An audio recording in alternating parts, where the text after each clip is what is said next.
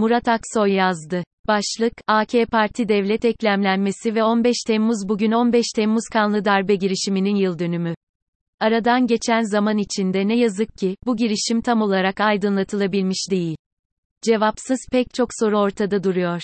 Darbe girişimi tam olarak aydınlatılmadı ama iktidar bloğu darbe sonrası yarattığı defakto durumla 2011'de başlatmış olduğu siyasi anlayışı kurumsallaştırmaya ve siyasetin ve demokrasinin alanını daraltmaya hız verdi. Evet, bugün içinde yaşadığımız süreç, darbe girişimi sonrası kurumsallaşmasına hız verilmiş olsa da esas olarak 2011 sonlarında başlatılmıştır.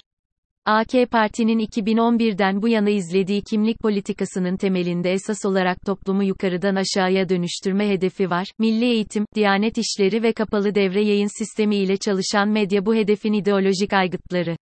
2015 yılının ilk yarısına kadar AK Parti'ye siyasi ve ideolojik olarak mesafeli duran MHP, Kürt siyasi hareketinin yükselişinden olsa gerek bütün rezervlerini kaldırıp 7 Haziran seçimleri sonrası iktidarın sorumsuz ortağı oldu. MHP'nin bu siyasal dönüşümü aynı zamanda AK Parti devlet arasında sağlanan bir uzlaşı oldu. Yani MHP, AK ile devlet arasında bir yapıştırıcı işlev gördü. Devletin ideolojik özünün korunması, kendi kurumsal sürekliliğinin devamı karşılığında AK Parti'nin siyasal hedeflerine itiraz edilmemesi, hatta pek çok konuda ideolojik ortaklık kurulması. Sonuçta devlet için asıl olan, devleti hangi kültürel kimliğin yönettiği değil, kendi kurumsal ve ideolojik varlığını sürdürmek oldu. Devletin, kendini yönetenlerden bağımsız olarak, ideolojik özünü koruyarak iktidarla kurduğu ortaklık bu açıdan, AK Parti mi devleti ele geçirdi, devlet mi AK Parti'yi ele geçirdi, sorusunu boşa düşürmektedir. Sonuç olarak devletin otoriter zihniyete dayanan, homojen toplum varsayımına dayanan, tekçi söylemini AK Parti'de sahiplenmektedir. Bahçeli'nin manidar çıkışı işte 15 Temmuz kanlı darbe girişimi bu süreç içinde bir ara durak olarak hızlandırıcı bir işlev görmüştür. Muhalefete rağmen yaratılan tek taraflı siyasal iklimin sonucunda AK Parti devlet eklemlenmesini hızlandırmış ve MHP lideri Bahçeli'nin hiç gündemde yokken 2017 sonbaharında başkanlık sisteminin yeniden gündeme taşımasıyla fiili duruma hukukilik kazandırmanın ilk adımını atmıştır. Sonrasını zaten biliyoruz. İki parti arasında hazırlanan anayasa değişikliği, mühürsüz oylarla kabul edilen anayasa referandumu ve 2018'de uygulanmaya başlayan Türk tipi Alaturka başkanlık sistemi. Bugün Türkiye demokrasi, insan hakları, özgürlükler, azınlık haklarının korunması ve laiklik temelinde değil, sahip olduğu kültürel kimliği temel alan, temel referansı çoğulculuk değil çoğunlukçuluk olan bir zemin üzerine yeniden inşa ediyor. Bir bütün olarak Cumhur İttifakı'nın devlete bakışı, devlet algısı tek parti dönemiyle pek çok açıdan benzerdir. Devlet, yarattığı maddi imkanlarla da iktidar için bir meşruiyet aracıdır. Devlete sahip olmak bu noktada ikili bir işleve sahiptir.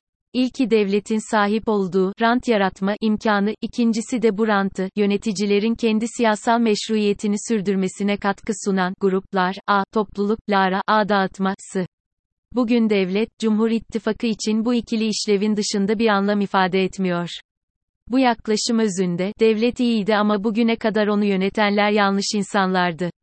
Biz bu devleti yönetecek doğru insanlarız, mantığına dayanmaktadır.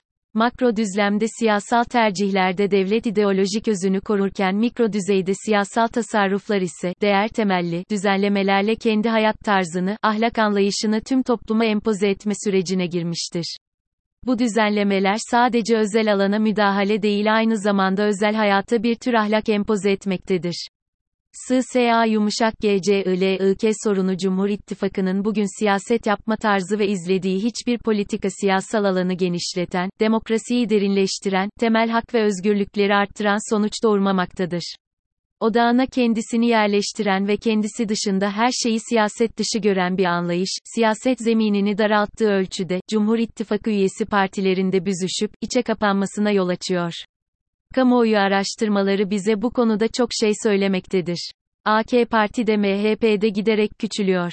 Siyasal iktidar bu küçülmeyi kimlik siyaseti ile durdurmaya çalışıyor. Bu çaba daha önce seçim kazandırdı ama ülkeyi yönetmesini sağlayamadı. Çünkü Türkiye 2011'den itibaren izlenen 15 Temmuz kanlı darbe girişimini fırsat olarak kullanıp kurumsallaştıran kimlik politikalarıyla adım adım zihnen bölünmeye gidiyor. Bunu durdurmanın yolu ise köklü bir siyasal değişimden geçiyor.